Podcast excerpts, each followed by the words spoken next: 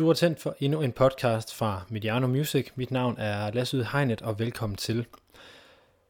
Det er ikke mig, du skal lytte til i dag, og det her det er ikke en af vores sædvanlige podcast, men noget, vi er glade for at kunne bringe alligevel. I samarbejde med Music City Aarhus 2022 har vi på Mediano Music fået mulighed for at udsende tre talks optaget på spillestedet Radar i Aarhus i forbindelse med Århundredes Festival i starten af marts 2020, nemlig tre talks om musikbyen Aarhus efter 1980'erne, som ofte er det årti, man forbinder med Aarhus, når man taler musik. Dengang det gik på Thomas Helmi på Gnax, TV2, Genlyd og Vestergade. Der er vi som sagt lavet tre talks, og den har overskriften Aarhus i tierne. Fra Velvet Volume til Aarhus Volume. Carsten Holm byder velkommen til gafferedaktør Sissel Thomasen, der siden 2017 har siddet bag roret hos landets største musikmagasin. Sammen vil de til en aften i musikkens tegn fortælle historien om tiernes Aarhus fra Northside, Godsbanen og Aarhus Volume til Kulturby 2017, det turkise telt og Lydbyen, samt en musikscene med stort diversitet sammensatte navne som Clara, Hugo Helmi, Alexander Oscar, Lis, Young, Ravi Kuma, Bæst, Carl William, Tør Dixgaard, Suleima, Go Go Berlin, Velvet Volume, Shaka Loveless og Medina. De yderligere gæster er Naomi Lakmi fra Velvet Volume, Svend Ingsi Carlsen fra Bæst og Søren Karim Bæk fra Bofinkevej. Og arrangementet det øh, blev som sagt arrangeret af foreningen Music City Aarhus 2022 i samarbejde med Radar, Promos, Produktionscentret for Rytmisk Musik i Aarhus og Århundredes Festival. Og herfra får I så lov til at høre selve talken. Rigtig god fornøjelse.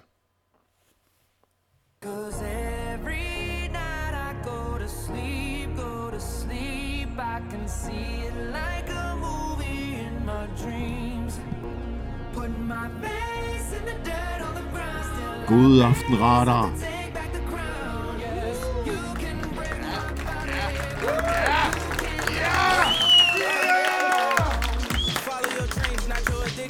Det var helt fantastisk. Det er meget overraskende.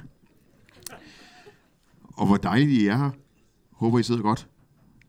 Og dejligt I vil bruge en, et, et lille stykke tid i løbet af sådan en helt almindelig torsdag aften sammen med os her på scenen.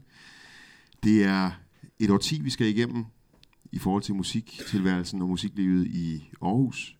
Vi har gjort det to aftener før det. I tirsdags kørte vi igennem 90'erne. Var der nogen af jer, der var der? 90'erne? Der var et par stykker. Godt. Dejligt. Var det hyggeligt? Ja, det er godt. Det er godt. I går kørte vi igennem øh, nullerne. Var der nogen af jer, der var der? Yes. Og det var også hyggeligt. Det bliver også hyggeligt øh, i dag. Også sjovt. Fordi der kommer til at sidde nogle mennesker i de her sæder, som kommer til at fortælle om deres tilgangsvinkel, øh, ja, synsvinkel, tilgang til musiklivet i Aarhus på den ene og på den anden og den tredje måde. Der er nogle musikere, der er også en redaktør for GAFFA, som kommer og forklarer lidt om, hvordan at musik egentlig er blevet forbrugt i byen af de her forskellige personer, hvad der er kommet ud af det i det hele taget. Og øh, det er jo et årti, vi lige akkurat har sluppet. Lige akkurat. Men derfor så kan der være rigeligt med minder. Det har der i hvert fald været i 90'erne og i 00'erne. Og mange hyggelige, sjove anekdoter fra de her forskellige bands. Og der kommer nemlig også nogle musikere til at sidde i sofaen her bag mig i løbet af i aften. Jeg hedder Karsten, og jeg arbejder på DR som, øh, som radiovært på B4 og på B6 Beat, og det har jeg gjort i 1000 milliarder år. Og det er måske også en af, altså plus minus, øh, det er måske en af årsagerne til, at jeg også står her i dag, fordi jeg har haft meget med, med musikken fra Aarhus at gøre i det hele taget, med at præsentere det i radioen først og fremmest, og snakket med mange af de her forskellige musikere interviews. Jeg har også bare brugt Aarhus meget, og kommet her meget i forhold til koncerter, især naturligvis Spot Festival og Northside Festival, da den ligesom dukkede op i løbet af, af tierne. Og, øh, og i det hele taget har jeg bare brugt den her by rigtig, rigtig meget. En anden årsag er måske også, at jeg for tre år siden er så heldig at have flyttet til byen. Og det er jeg også rigtig, rigtig glad for. Jeg går ud fra, at mange af jer bor i Aarhus. Tænker jeg bare.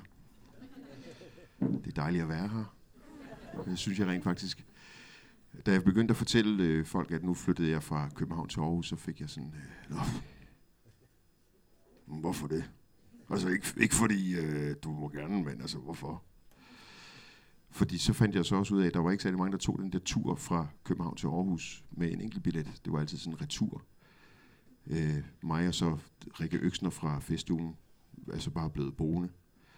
Og, øh, og det er mega fedt. Altså, jeg synes, I har en fantastisk, vi har en fantastisk by.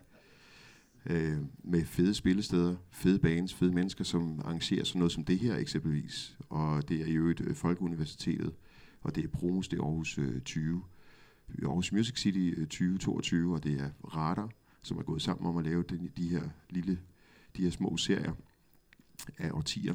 Øhm, og jeg kan huske, da jeg flyttede hertil, det var den 16. december 2016. Det var en dejlig dag, det var en fredag, og skyfri himmel. Og flyttebilen kørte ind foran huset, og flyttekasserne kom ud og blev tømt på gulvet, og i løbet af ikke så lang tid, så var hele huset bare fut. Og den efterfølgende torsdag, der var jeg klar til at tage i byen til den første koncert i Aarhus som Aarhus borger. Og for jer er det jo helt naturligt. For mig var det noget ganske særligt. Fordi jeg kunne også bare cykle afsted. Det er nemt nok, når det går ned ad bakke. Ja. Så klokken tre om natten, da det gik, den, ja. Jeg er vant til at cykle i København. Det er bare... Ej, der er den der bro. Den er godt nok stejl. Oh, her der er det jo... Men øhm, jeg tog til koncert på Train. Der var også et band, som hed Astronaut, som skulle spille, og dem ville jeg rigtig gerne høre. Jeg havde spillet noget af deres musik i radioen, og synes at det var fedt, så nu vil jeg høre deres koncert. Og så tog jeg mig ikke så meget af, at på billetten stod Glücklich henover. Der er nogen, der godt ved, hvad det er for et arrangement. Jeg fandt ud af, at Glücklich for det første er lige så gammel som Aarhus en institution i byen, øh, og til dem, der ikke ved, hvad Glücklich er, så er det ja, en form for julefrokost for gymnasieelever.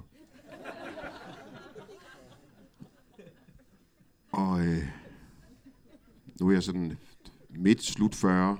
For tre år siden var jeg så bare de tre år yngre. Øh, og anser mig ikke som decideret gammel, når jeg, det kan godt være, at jeg ser sådan ud, men altså indeni, der er jo bare, især når jeg går ind på et spillested, men øhm, knæklys er noget, der minder om Bacardi Breeze og Red Bull og mig. Altså lige der, da astronaut spillede, der var det en lidt broget skar, vil jeg nok sige, fordi jeg var der jo. Øh, og jeg tror måske egentlig også, at jeg var den eneste, der forstod, hvad det egentlig var, der foregik på scenen, og måske var det egentlig også bare en fejlbooking på den aften, fordi astronaut er lidt mere følsomt. Der er nogle øh, referencer til noget Roxy Music og sådan nogle meget, meget smukke, nærmest teatralske passager. Men det var en god koncert. Det var det. Og så skyndte jeg mig hjem bagefter. Eller jeg skyndte mig lige forbi et andet sted først, og så ramte jeg som muren der klokken tre, altså fysisk muren. Men øhm, ja, jeg har bare i det hele taget brugt den her by rigtig, rigtig meget, også igennem tierne. Og øh, jeg glæder mig til at være med til at fortælle om den sammen med de her forskellige mennesker, der kommer på scenen. Men inden de kommer på scenen, skulle vi så ikke lige prøve at høre lidt af lyden af den her by i tierne. Vil det ikke være en god idé? Det er jeg glad for, fordi så vil jeg nemlig gøre det, som jeg også gjorde de to andre aftener. At vi øh, lige finde min tekstark, fordi så vil jeg nemlig synge. Øh, ej, Nej. Det er jo klippet sammen på forhånd. Og lyden af Aarhus Satirerne lyder sådan her. Alt føles som tomgang, jeg rykker ikke Parkeringspladsen, den er stadig tom Så jeg henter en omgang og tømmer flasken For her på pladsen vil jeg falde om Jeg holder lidt ud og holder ind Bryder mig ikke om for at komme ind tror mit hoved har gjort mig blind igen. Jeg holder lidt ud og holder ind. Bryder mig ikke om månen for at komme ind. Jeg tror mit hoved har gjort mig blind igen. Mm, I'm sorry but I can't do it.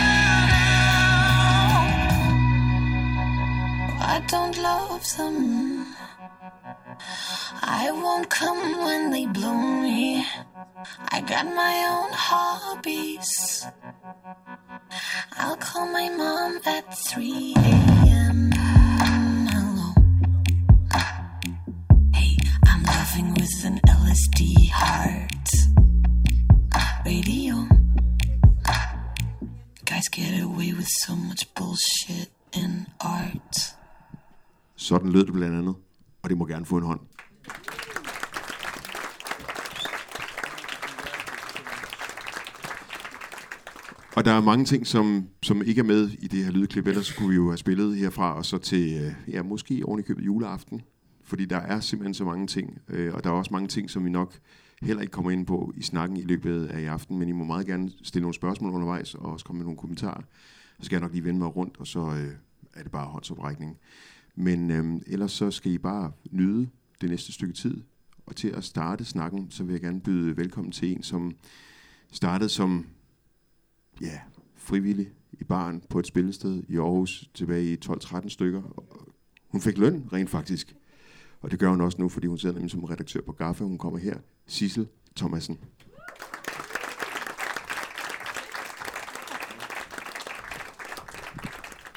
Og sæt du dig bare ned. Der er en mikrofon lige der. Og øh, jamen, jeg har faktisk ikke set dig siden onsdag i sidste uge. Nej, Øh, og så, så, jeg? Ja. så jeg vil bare gerne sige tak for et godt show. så Fordi tak, øh, Sissel har været med til at lave gaffeprisen. Var der mange til gaffeprisen her? Ja, der var nogle stykker. Der var Tre. Yes. Fedt. Godt. Godt, I kunne komme. Tre, og så f- 1497 andre Ja, mennesker. Det er Lige dejligt. præcis. Yes. Men din tilgang til musikken i tierne i Aarhus, det starter på det spillested, som i dag hedder Tape. ja. Det er rigtigt. Og det hed engang Musikcaféen, og det er i øvrigt Musikcaféens folk, som har startet Radar i sin tid. Oh. Fordi det flyttede derfra og hertil. Men i den mellemliggende periode mellem Musikcaféen og Tape, så var der noget, der hed Backstage. Det er korrekt. Og der var du i barn. Der, der stod jeg nede i baren. Yes. Det gjorde jeg. Og hvorfor, Jeg havde- hvorfor, hvorfor ville du, var det bare fordi, du ville stå i barn, eller ville du gerne på et spillested? Det var, det var fordi, jeg havde et sabbatår, og jeg vidste ikke, hvad jeg skulle lave. Og så tænkte jeg, lad os prøve bare. Øh, og så, så viste det sig så, at det så var et spillested, og så faldt jeg pladask for det der miljø, som var øh, musikmiljøet. Og det, det, var, det var et spillested. Øh, der kom rigtig mange musikere dernede. Øh, og, og så indså jeg bare, at, at det var sådan en, en, et vidunderligt samsurium af mennesker, og, og fede opgaver, og en rigtig god vibe, og jeg befandt mig rigtig godt i det. Så det var ligesom der, det kickstartede, at jeg ligesom havde lyst til at bevæge mig ind i musikbranchemiljøet. Så det var ikke bare at, at sælge øl i barn, men det var rent faktisk også at være med til at afvikle koncerterne i løbet af, Ja. af aftenen. Og Hellere det, end at sælge ølbarn, faktisk. også det der med at modtage bandsene om eftermiddagen, når de så ja, kom. klart. Når Lucas Graham kom fra København. Lucas Graham spillede på åbningsaftenen nede på backstage, og det var jo kæmpe. Så gik det ned ad bakke siden da, men ellers... Ja, så for var Lucas det, Graham. Ja, for Lucas Graham, ja. ja. eller for backstage. ja. øh, Begge. Og så var det bare det der, hvor du tænkte, det der med musik, det kan, det kan noget særligt at arbejde med musik. Hvad, Ja. hvad var det? Altså, du siger det der med miljøet og kulturen. Jamen, der, der er bare sådan en helt særlig vibe, når man, når man omgås mennesker, der, øh, der synes, musik er det fedeste i verden. Øh, sådan en, øh, en genkendelighed på en eller anden måde, fordi at de fleste mennesker har et eller andet forhold til musik på en eller anden måde, øh, og kan, kan genkende nogle følelser. For mig er det meget følelser. Øh, så det, det var bare sådan en... Øh, det, det var sgu det. Det var den hylde, jeg skulle være på, og det, det vidste jeg ikke rigtig inden. Så det fandt jeg ud af dernede i en kælder. Eller Ja, i, Eller- i anden baggård. i anden baggård Ja. i Mejlgade. Hvor mange kender musikcaféen Backstage Tape? Yes, der er en er del, der der har været der. Yes. Og øhm, hvad, med, hvad med inden da? Havde du så bare lyttet musik øh, derhjemme på din streamingtjeneste, eller på CD'er, eller hvordan? Altså, Jeg havde havde du, super mange CD'er. ja, så du, du havde Altså, CD-typen. et, et musikliv i det Jeg havde et musikliv, øh, men altså det kom... Det, det blev først sådan, hvad skal man sige, dyrket og professionaliseret efter den tid nede på backstage. Altså inden det, der, der bestod det mest i, at, at jeg kendte en masse mennesker, som spillede musik, primært rockmusik, øh, som jeg omgiks, omgikkes øh, en del. Øh, og så fik jeg ligesom øh, også på, på den måde møde mig ind i nogle, i nogle kredse, som jeg synes var ret interessante at, at være en del af. Øh, så det, det, var, øh, det var også en indgangsvinkel, ja. Så din synsvinkel på Aarhus, det var meget, at det var rockmusikken. Det, ja, det, jeg har sådan en, øh, en vibe inde i, in, inde i min krop om, at, at Aarhus er en, øh, en rockby. Øhm, og det kommer sig jo selvfølgelig af, at jeg har begået mig meget i, i rockmiljøet, og måske også undergrund, måske nede ved dem der, som aldrig rigtig helt kom op, der hvor det var, det, det var sjovt dernede, det, det var det. Men altså sådan helt deroppe, hvor, at, hvor, at, hvor stjernerne er. Men, øhm, men jeg hang meget ud med, nogle af mine bedste venner kommer fra et band, der hedder Dance with Dirt, øhm, som begik sig meget og spillede mange koncerter i Aarhus, hvor jeg har stået sammen med øh, det ved jeg ikke, fire af mine veninder foran på forreste række og bare bup, bup, bup, bup, som, som de eneste. Og så på et tidspunkt kan jeg huske, at, at, øhm, at øh, specifikt med Dance for Dirt, så var det sådan, at, at de vandt karrierekanonen på et tidspunkt sammen med James Brown, og så var det øh, ligesom, at den der urban calypso beat ting overhældt rocken, og så James Brown stak af, og Dance for Dirt, de blev der, men, men der var sådan en helt specifik aften nede på Train, hvor jeg kunne huske, at, at øh, Dance for Dirt skulle spille til et eller andet arrangement. Øh, jeg kan ikke rigtig huske, hvad det var, men det var i hvert fald... Øh, Lykkelig. det var ikke lykkeligt. Okay, Nej, det var, det var det ikke. Det var ægte koncert. okay. Ja. øhm, og der endte det med, at, øh, at, at mig og mine veninder var nødt til sådan at, at rykke tilbage i sådan 10. 11. række og stå og hæppe på dem, fordi der var så mange, der var kommet for at se dem. Og det var sådan en helt særlig Gud, Ja. fedt, at der er nogen, der skygger. Ja. Så det er perfekt. Det er også dejligt at opleve sine venner, og i det hele taget bare sådan Ja. et lokalt bane blive større og større og større. Ja. ja. Præcis. Men derfra gik det så også ned ad bakken med Dance with Dirt. Fuldstændig. Ja. De eksisterer ikke mere. Nej. det gør de ikke. Men øhm, nu lyttede vi jo lige til, til nogle ting, altså der var meget popmusik med i, i det her, meget god popmusik, som jo er, er landskendt. Og der er Ja. mange, der ikke rigtig helt ved, at sådan nogen som Alexander Oscar eller Clara for eksempel har en forhistorie i, i Aarhus. Ja. Klar, hun er meget inkarneret, Ja. føler jeg. Ja. Aarhusianer, ja. Men der er mange, der ikke rigtig helt har oplevet hende live nogen steder før. Ja. Nå, det er vis- rigtigt, Altså ja. på den måde. Ja. Øh, og det samme med Alexander Oscar. Ja. En fyr, der allerede, da han var 13-14 år, Ja. vidste, at han skulle bare synge. Han skulle bare lave musik, han skulle lave popmusik. Og fik at vide af sin mor, at det må han også gerne, men han skulle lige gøre folkeskolen Lige gør skolen færdig. færdig først, og så gymnasiet. Ja.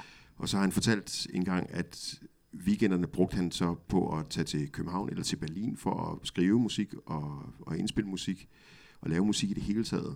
Da, Dedikeret. ja, da type. han var 15, 16, Ja. 17 år, og så har han skrevet opgave på vej hjem fra, fra Berlin. Endnu mere dedikeret type. København, fordi han skulle jo skolemand der morgen og aflevere de der opgaver, Ja. ikke? Fordi skolen skulle han gøre færdig. Ja. Og lige så snart han ligesom var færdig med skolen, så rykkede han faktisk til København. Men altså, han har ja. Jo stadigvæk sin familie og er ofte i, i, i Aarhus, når, han- når han har også lige spillet nogle koncerter i løbet af sidste år. Ja. Og, og været her ret lang tid. Men det er jo sådan nogle type musikere, som man ikke rigtig helt ser i musikmiljøet. Den Ja. del af, af popspektret egentlig. Ja, det gør man ikke. Altså, man, man går ikke ned på et lokalt spillested nu, om, og jeg har i hvert fald ikke været ude øh, og se Alexander Oscar stå nede på en undergrundsscene i Aarhus og, og spille. Så det er, jo for, det er jo sikkert fordi, at han, øh, hans talent er blevet opsnappet af nogle, nogle kløgtige folk inde på et, et øh, magtfuldt pladeselskab, som har set ham her. Han er, han er fem dedikeret. Han laver opgaver i weekenderne. Det er der ingen andre, der gør. Så, øh, så ham, ham øh, og han kan også synge, og han kan også skrive. Så ham skal vi have fat i. Øhm, så jeg tror, jeg, jeg tror måske, der godt der kan være en, en, en todelt ting i forhold til det der med øh, upcoming artister. Og der er dem der, som, som bevæger sig nede i undergrunden, og som, som altså, vil spille for alt en Kasper og whatever, alt. De kan betale en Kasper for at spille. Altså, der, der er dem, og så er der dem, der ligesom, øh, der ligesom tager den mere straight vej og bliver opdaget af nogle andre. Øh, og det er der så en, en række musikere fra Aarhus, der har, der har været så heldige at blive. Ja, det er jo også ja. et tegn på, hvordan at, at musikkulturen ligesom er i dag, at øh, det, er, det, er meget, det er meget single-baseret. Ja, det er Øh, det. For, fordi at øh, sådan en som Alexander Oscar lavede også mange singler, før han lavede sin, sin plade. Og det Ja. er også ligesom det, at der bliver sendt nogle små prøveballoner ud først. Ja. Og kan de ligesom flyve og være bæredygtige, så, så, Ja. Og så, ellers så laver vi det om. så laver vi det om, ja. Kunne de måske godt finde ja på. nogle Kunne andre konstellationer. Ja. Ja. Men ellers i forhold til, til rockmiljøet i Aarhus, hvordan synes du så, at tierne har været? Jamen altså, jeg synes, det var pisse sjovt. Jeg var, jeg var meget fuld øh, hele tiden, og gik meget, meget til rockkoncert i tierne, fordi at øh, alle mine venner spillede rockmusik, og de spillede pisse fed musik.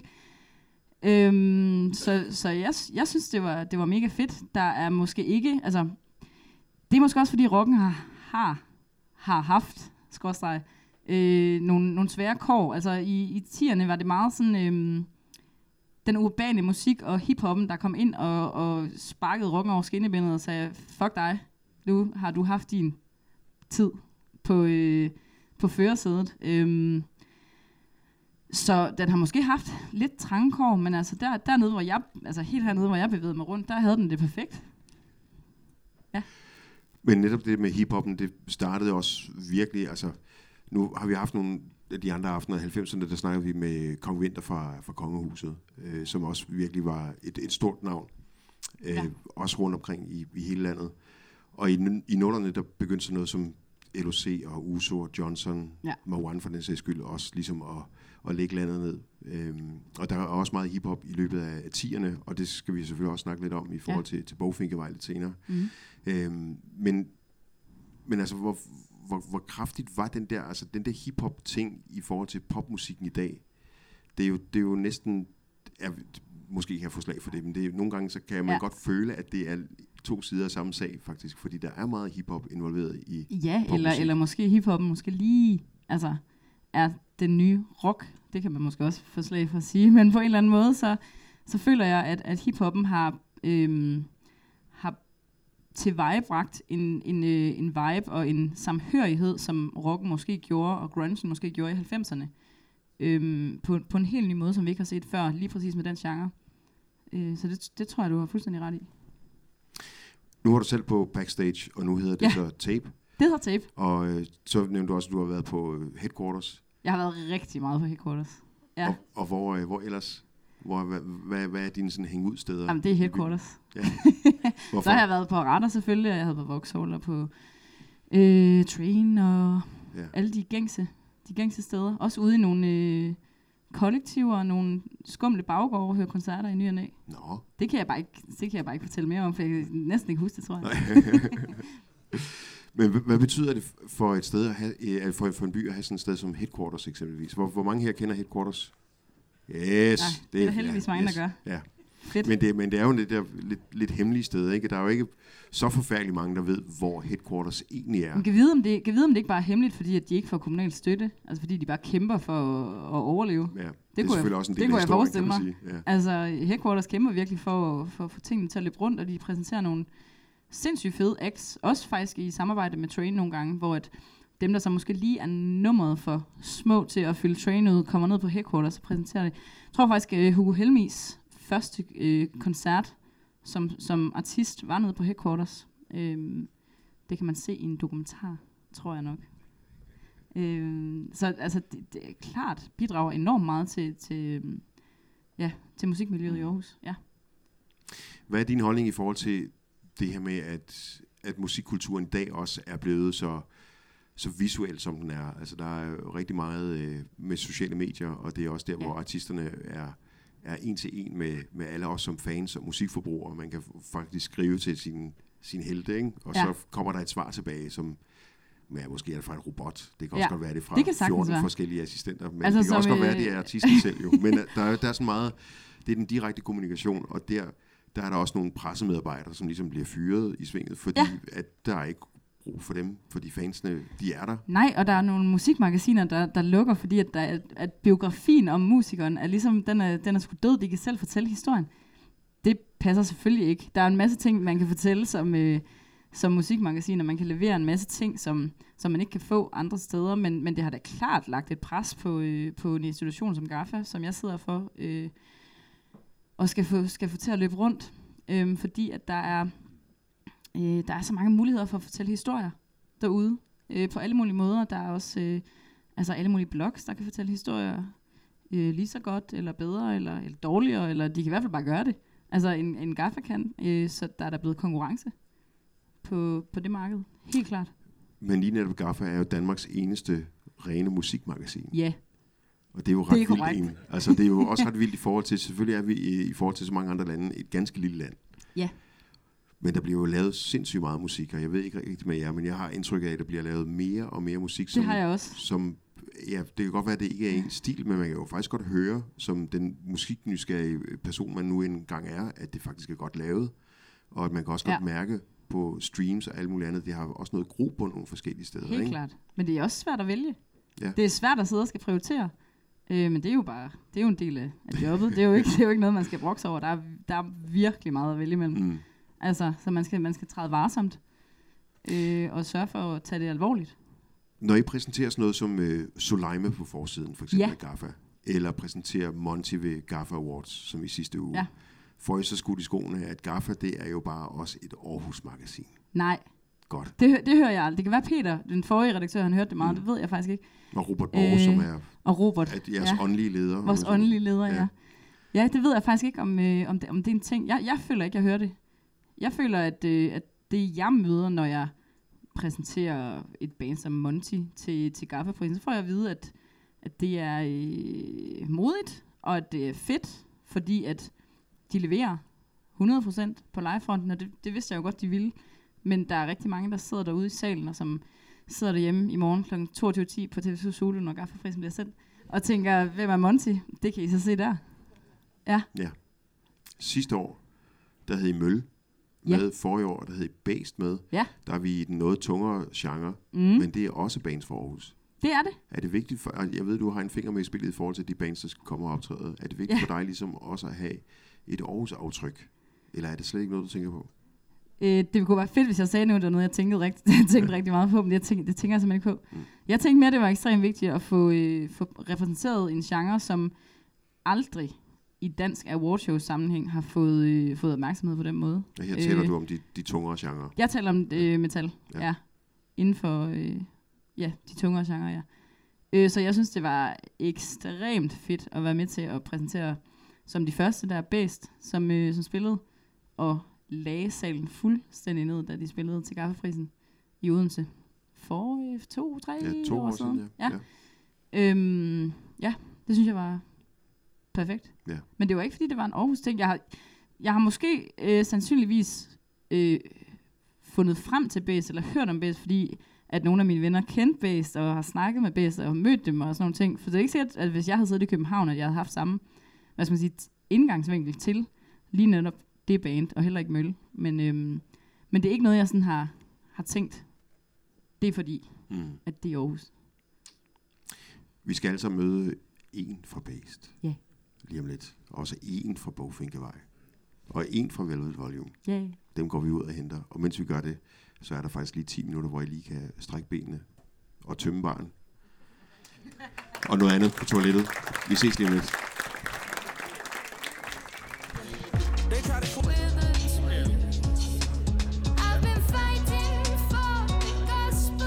Og hej igen. Var det god pause? Yes, helt vildt. Vild pause. Helt vild pause. Vi er klar til at fortsætte den her snak med nogle forskellige anekdoter, historier, en lille tur ned af mindernes evige allé til lige for tre måneder siden, hvor præcis sluttede. Men anywho, vi vil gerne byde velkommen til tre dejlige gæster i sofaen her fra bandet Bogfinkevej. Kommer her Søren Karim.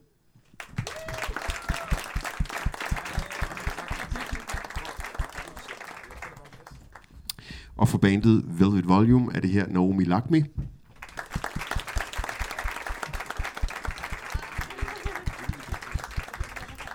Og for Based, Svend Svær.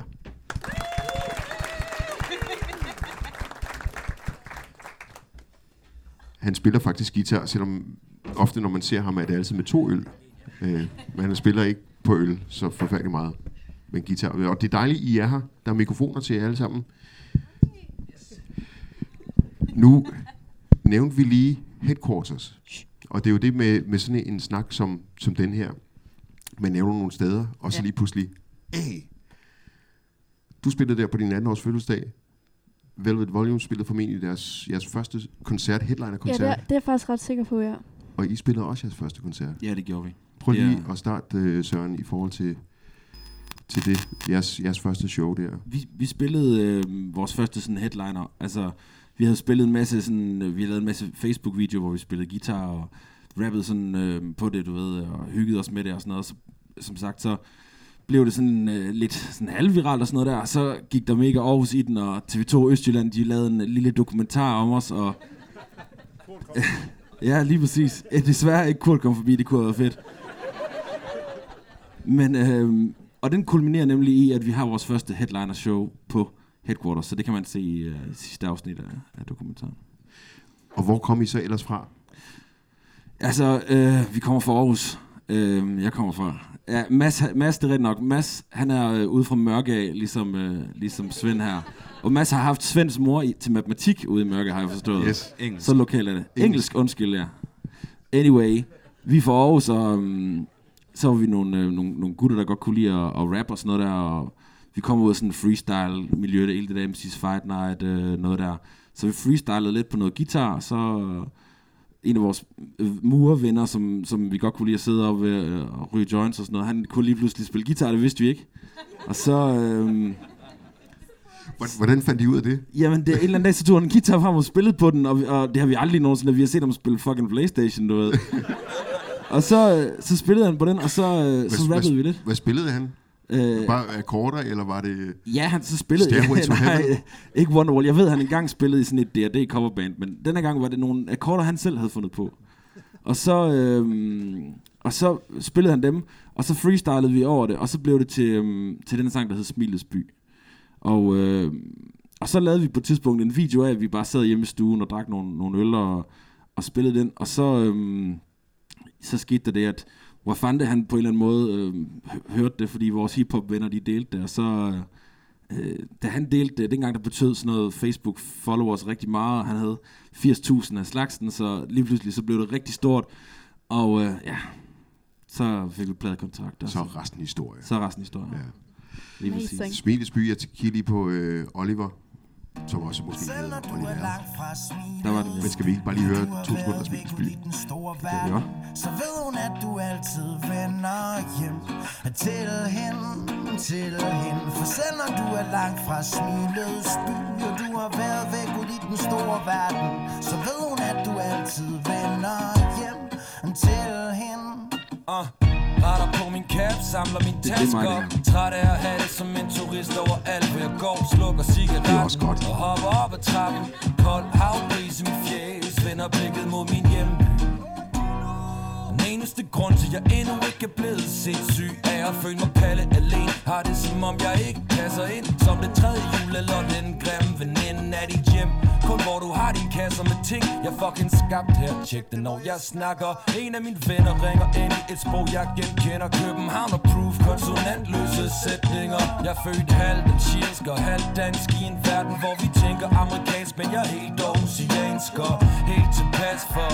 Uanset hvor livet så fører mig hen Ved jeg hvor jeg hører hjemme For selv når du er langt fra smilets by, jo du har været væk ud Det var dit vers. Yes. må også gerne lige få en hånd. Tak. Hvad betyder det for, øh, for Bogfinkervej at være et oceansk band egentlig? Fordi det er jo en smuk ode til, til den her by, Smilets by. Ikke Aarhus for Progress. Altså for, nej.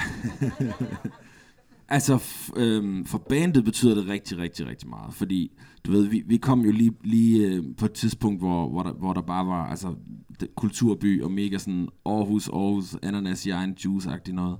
Så vi havde, vi havde mega meget ekstra, ekstra medvind, fordi at, øh, at vi var for Aarhus, og fordi vi var så glade og stolte af at være for Aarhus. Og, øh, så på den måde for vores bands succes har det betydet helt vildt meget. Øh, men så har det også betydet selvfølgelig meget for os individuelt, ikke også? Og øhm, måske for den, øh, ah, det er sådan noget, man skal passe på med at sige, men den jordnærhed, som vi egentlig gerne vil forsøge, at- f- forsøge at udstråle, øh, passer rigtig godt med, med det at være et oceansk og et, et, et jysk band. Øhm, fordi vi har en følelse af nogle gange, at det foregår lidt anderledes i et andet tempo, i hvert fald over i København. Så jeg tror, vi havde været meget anderledes, hvis vi var hvis vi havde skulle, skulle forsøge at klare den i den altså, musikbranchen derovre. Det kan Naomi så snakke med om, fordi ja. at Velvet er lige smuttet til København. Det er nemlig det. Yes. men men øh, Ja. opvæksten har så selv været i, i Aarhus, og jeg kan også huske, at jeg har snakket med, med jer øh, på Koks skole, Ja. hvor det er, I alle sammen er gået. Der er din, din søskende, som Mm. er med i, i Velvet Volume. Yes. Øh, og rent faktisk har Koks skole, det må jeg sige, øh, synes jeg bare er en fed ting. Selvom I gik ud af skolen, så manglede I et øvelokale. Og så sagde skolen, jamen altså, I kan jo bare bruge det musiklokale, I altid har brugt. Ja. Og spille musik i. Fordi jeg har spillet musik i mange, mange, mange, mange år. Lige siden jeg kan huske Ja. med hinanden. Og så sagde Koks skole, I får der bare nøglerne. Altså, så I kommer der bare ned og øver. Ja, det synes jeg er en fed ting. Altså virkelig smukt. Ja, meget, meget smukt, og, øh, og fedt at føle, at man har støtten derfra, og at øh, det hele også bare virkede naturligt på den måde, sådan selvfølge, at fordi det var der, det startede. Jeg tror selvfølgelig også, at skolen var stolte af at, at have haft os, og vi var glade for at have haft dem, og at de ligesom var der for, øh, for vores udvikling, og at øh, der var ingen tvivl om, at de gav os rigtig mange muligheder i forhold til at udvikle vores øh, måde at optræde på, og, og begynde at skrive sange, og hele det der, og have den der, ja, ja, trygheden og støtten, 100% havde vi altid fra der, og at øh, de arrangementer, vi fik lov til at spille, og ligesom prøve at, øh, ja, prøve af, det der med at stå på en scene for nogle mennesker, man overhovedet ikke kender, og selvfølgelig ens venners forældre, som jo bare synes, vi var mega seje, og, øh, og kunne slet ikke forstå, at øh, vi kunne som 13-årige overhovedet vidste, hvem Jimi Hendrix var, og, og sådan noget. Det tror jeg, folk var stolte af, og, øh, og det var vi også stolte af, at de var. Ja. Så det var vi glade for. Jeg kan også huske, at I har fortalt mig engang, at I næsten havde sådan er opdraget med en månedens plade derhjemme, Ja. fordi I gik en gang om måneden i pladeforretning med jeres far. Ja. Og så valgte han en CD, mens I kiggede på pladecovers Mm. andre steder. Han valgte en CD, og så var det ligesom den, der skulle køre i husstanden Ja. den næste måneds tid. Han havde sine perioder, så, Ja. ja. så, havde han, øh, så havde han lige lyst til, "Ah, nu skulle vi, nu skulle vi lige i gang og lige høre noget Grace Jones, og, og så skulle vi lige være lidt mere tekniske og høre John Mayer, og du ved, det var sådan meget, og det var meget spredt. Det Mm. var, han, min far, han var helt op at flyve, når han opdagede noget, han synes var fedt, og øh, det skulle vi bare høre, og det skulle vi også synes var fedt, og, og det synes vi også 100%, så det var fantastisk. Ja. Og tag os lige med hen til Headquarters, jeres første headliner gik. Hvor, hvor ja. Er det henne der? At, hvornår er det? virkelig starten, altså det er så, så meget i starten, at jeg næsten er usikker, hvordan yes. det lige var.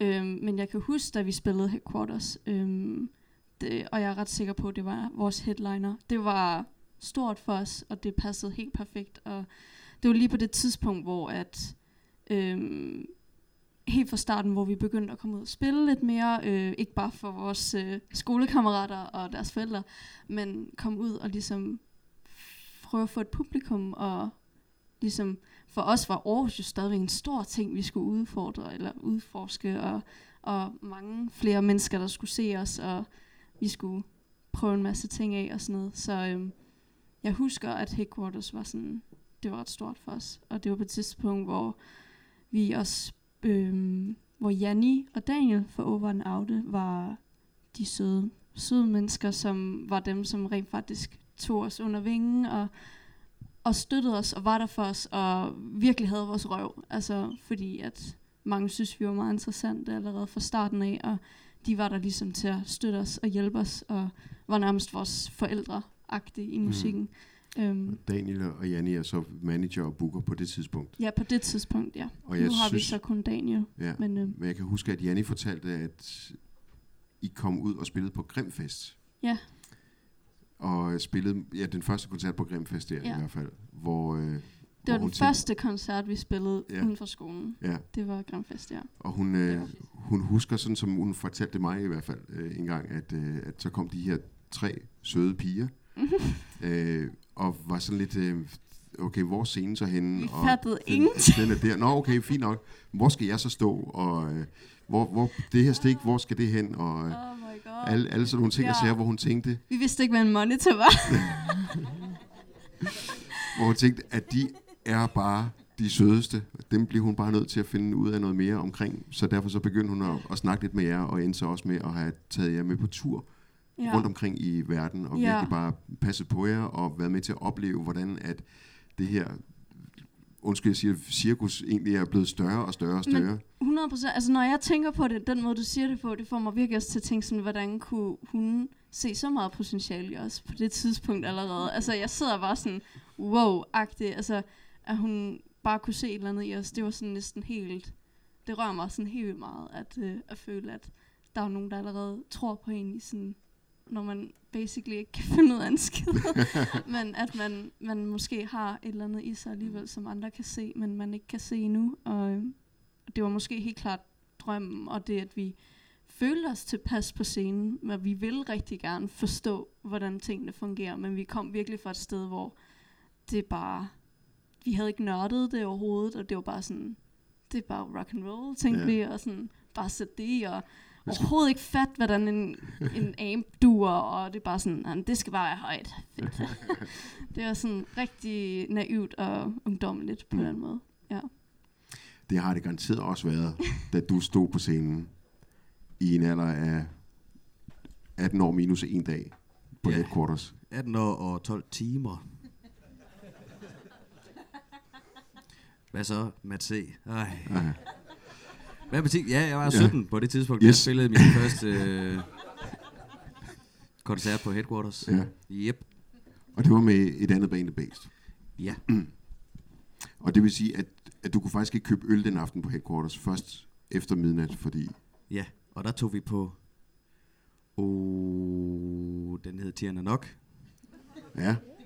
Efterfølg... Nej, den hed sgu da The Tap Room eller et eller andet. Den hedder stadig til nok. Kanon. Øh, der tog vi ned, og så fik jeg 18 Fisherman shots. Ja, selvfølgelig. Og det har jeg aldrig fået. Siden. Og det var fedt. Og så tog jeg på vinstuen. Og så fik jeg, så kunne jeg købe alle de øl, jeg havde lyst til. På mit debitkort. Det har jeg stadig, faktisk. Ja. Og så skulle jeg jo hjem til Mørke. Hvor Mads fra Bogfinkervej også kommer fra. Ja. Ja. Og det var noget af en rejse. Du var hjemme fire dage efter, eller hvordan? Det var, det, tager, det er morgentoget klokken 5, det går ikke før, og så var jeg hjemme klokken 6, og så havde øh, mor bagt øh, boller, og der var kakao. Jeg har en tvillingesøster, som ikke havde været ude at spille koncert. Og så, så fik vi boller og kakao, og så tog jeg bussen til Hornslet for at tage en bus videre til EO Gymnasium. Og nu snakkede du om en øh, aarhusiansk kunstner, som skrev opgaver fra Berlin til Aarhus. Ja. Der har jeg skrevet min del. I bussen? Fra, fra Mørke til EO. Kanon gode opgaver. Dedikeret. Der er ikke noget wifi ja, i busser. Ikke dedikeret i blå type. busser. Nej. Men, øhm, men Arnested til Based er et andet sted i byen, og det er Escobar, hvor du er ja. bag barn, ja. og du ser en fyr med langt flot hår komme ind. Det er næsten på Escobar. Næsten på Escobar. Ja, jeg ser ham først, og det flotte lange hår. Jeg tror, jeg har set ham før på Escobar, hvor jeg ikke lige har lagt mærke til det. Måske Mhm. jeg har haft travlt på arbejde. Ja. Eller så har jeg været skide fuld på arbejde. Uh. Ja. Men jeg ser ham i hvert fald en dag med hans flotte hår og hans fede t-shirt. Og Som var med Death eller det var Morbid Death. Og det var en hvid Death Uh. t-shirt, det havde jeg aldrig set før.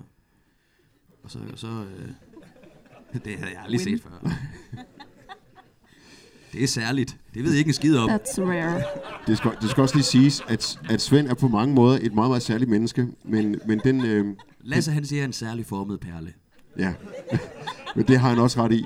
Fordi øh, Svend er sådan en, der køber øh, gamle t-shirts på nettet, fordi det skal være de ægte. Den der t-shirt er fra 95, Ja. øh, og i øh, nærmest ny condition. Den er et år yngre end jeg. Ja. Og øh, på, bags, på, på, på ryggen, der kan man se den turplan, som Morbid Angel havde rundt omkring i, øh, i Europa på det tidspunkt. Jeg ved, jeg var til koncerten i København. Ja. Øh, Aarhus står ikke på den der turplan. Det kunne den Der godt står, have gjort. Der står Esebjerg. Esebjerg. Yep. Som i øh, Esbjerg. Ja, så ved du, den er ægte. Ja. Lige præcis. Ja, jeg ser Lasse, og så vi snakker, og jeg er lige flyttet hjemmefra. Det er ganske kort tid efter, at jeg har spillet min første koncert på Headquarters. Ja, så andre steder, det er vel lige på Nye Banegårdsgade og på Escobar, hvor det, når jeg ikke spillede sammen med Lasse, eller lod som om jeg arbejdede, snakkede om det her røvfede band, mm. vi lige havde startet. Ja. Og så hører du en eller anden øh, råbe nede fra et eller andet bord. Og det har du gjort, det har du hørt ham råbe mange gange. Åh, Simon. Åh, oh, Simon. Det er stive spektakel. Ja, Simon han kunne synge med på rigtig mange sangene. Og det var rigtig, rigtig fedt. Mest. Det var mest fedt, og så nogle gange, så skulle han holde sin kæft. Men på Escobar er det smart, der må man selv bestemme, hvad man smider ud. Ja. Så nogle gange gik det sådan, og andre gange så sagde jeg, det står sgu da dygtig, Simon, ha? Ha? Skal du ikke med i band? Jeg spiller allerede i band. Pis. Han var med i to bands. Yes. Også mit. Yes. Hej Simon. Vil du også have mikrofon? Ja, kom Simon. Nej, okay. Nej. Nej, okay. Det er godt. Men hvor startede I så ud med at, at øve henne? Vi brugte rigtig lang tid på at finde noget i Aarhus Midtby, og det synes vi var rigtig svært. Hvorfor skulle det være Aarhus Midtby? Fordi at så var det nemt. Mm. Fordi at der er flere i bandet, som når de ser en bybus, bliver forfærdeligt deprimerede. Ja. Og syge. så skal de alle mulige ting lige pludselig, så de ikke kan øve. Vi endte ude i Monorama, ude i øh, ved Søren Friksvej. Ja. Og der er vi stadigvæk. Øh, ja, så vi havde vores første øver i 15. Oktober 15. Mm. Længe og længe. Fordi Shit, der er lang tid. I har også været ude i, i Monorama. Ja, men der nåede vi at være i to år næsten, tror jeg, inden vi så flyttede. Men det var et godt sted. Ja, I var på orange gang. Ja, orange. Præcis. Jeg var nemlig inde at se det lokaler og kunne se, at I havde jeres egne monitors, når I øvede, og jeg var meget sur. Og I var på Hvorfor grøn det? gang. Det er vi tilbage til, ja. Ja. Nå, tilbage. Okay, I har simpelthen flyttet rundt, eller hvad? Tre gange. Wow. I var sgu ikke tilfredse nok. I skulle sådan have sweeten der. Vi har faktisk fået vores eget. Okay, fedt. Vi har altid haft vores eget. Nej. Forkælet rockmusikere, jeg siger det bare. Oh. Men prøv lige at sætte på ord på, på Monorama, fordi det er også en vigtig del af, af musikspektret i, i Aarhus, fordi der er rigtig mange bands, der også har været der forbi i en periode, eller stadigvæk er der. Jeg ved, Berserk lige er rykket derud, og har deres produktionsøver op til deres... Øh, de skal på arenatur sammen med D&D. Nej, er det, det er Desi. Dizzy. Det er Desi. Yes. Så det er jo rimelig sygt, ude i det lille øvelokale kompleks der. Ja, det er jo ikke så lille endda, fordi der er rigtig mange rum. Ja, det er der er mega der er mange, mange lokaler. Og så er der et stort køkken, som også er en slags koncertsal. Som er, hvor jeg tror alle, i hvert fald heavy bands har spillet. Mm. Og I har også spillet der? Vi har haft vores allerførste produktionsøver derude. Mm. Som, øh, vi skulle egentlig ikke noget særligt. Vi skulle bare lige filme det og se, om det så sejt ud. Og det gjorde det ikke. Hvad gjorde I så? Så gik vi sgu i, i, i tænkeboks. Så ændrede vi ikke ved noget som helst af det. Det var noget med en bybus, og vi havde ikke tid til at... det duede ikke. Men det lyder også som sådan et meget vitalt sted at være, når man er, når man er ung band, og i hvert fald ikke rigtig helt præcis ved, hvordan alle brikkerne egentlig passer sammen i den her forunderlige, mærkelige og skøre, crazy verden, som hedder musik. Altså, jeg har nyt rigtig meget godt af at være derude, sådan en tidlig formiddag, en mandag eller noget. Jeg læste jo på pædagogseminaret, så det behøver man ikke rigtig at være der. Så så var jeg derude, og så var Bastian der. Og han spiller i Soilwork, som er et rigtig stort svensk band. Det er der garanteret nogen, måske en enkelt af jer, der ved.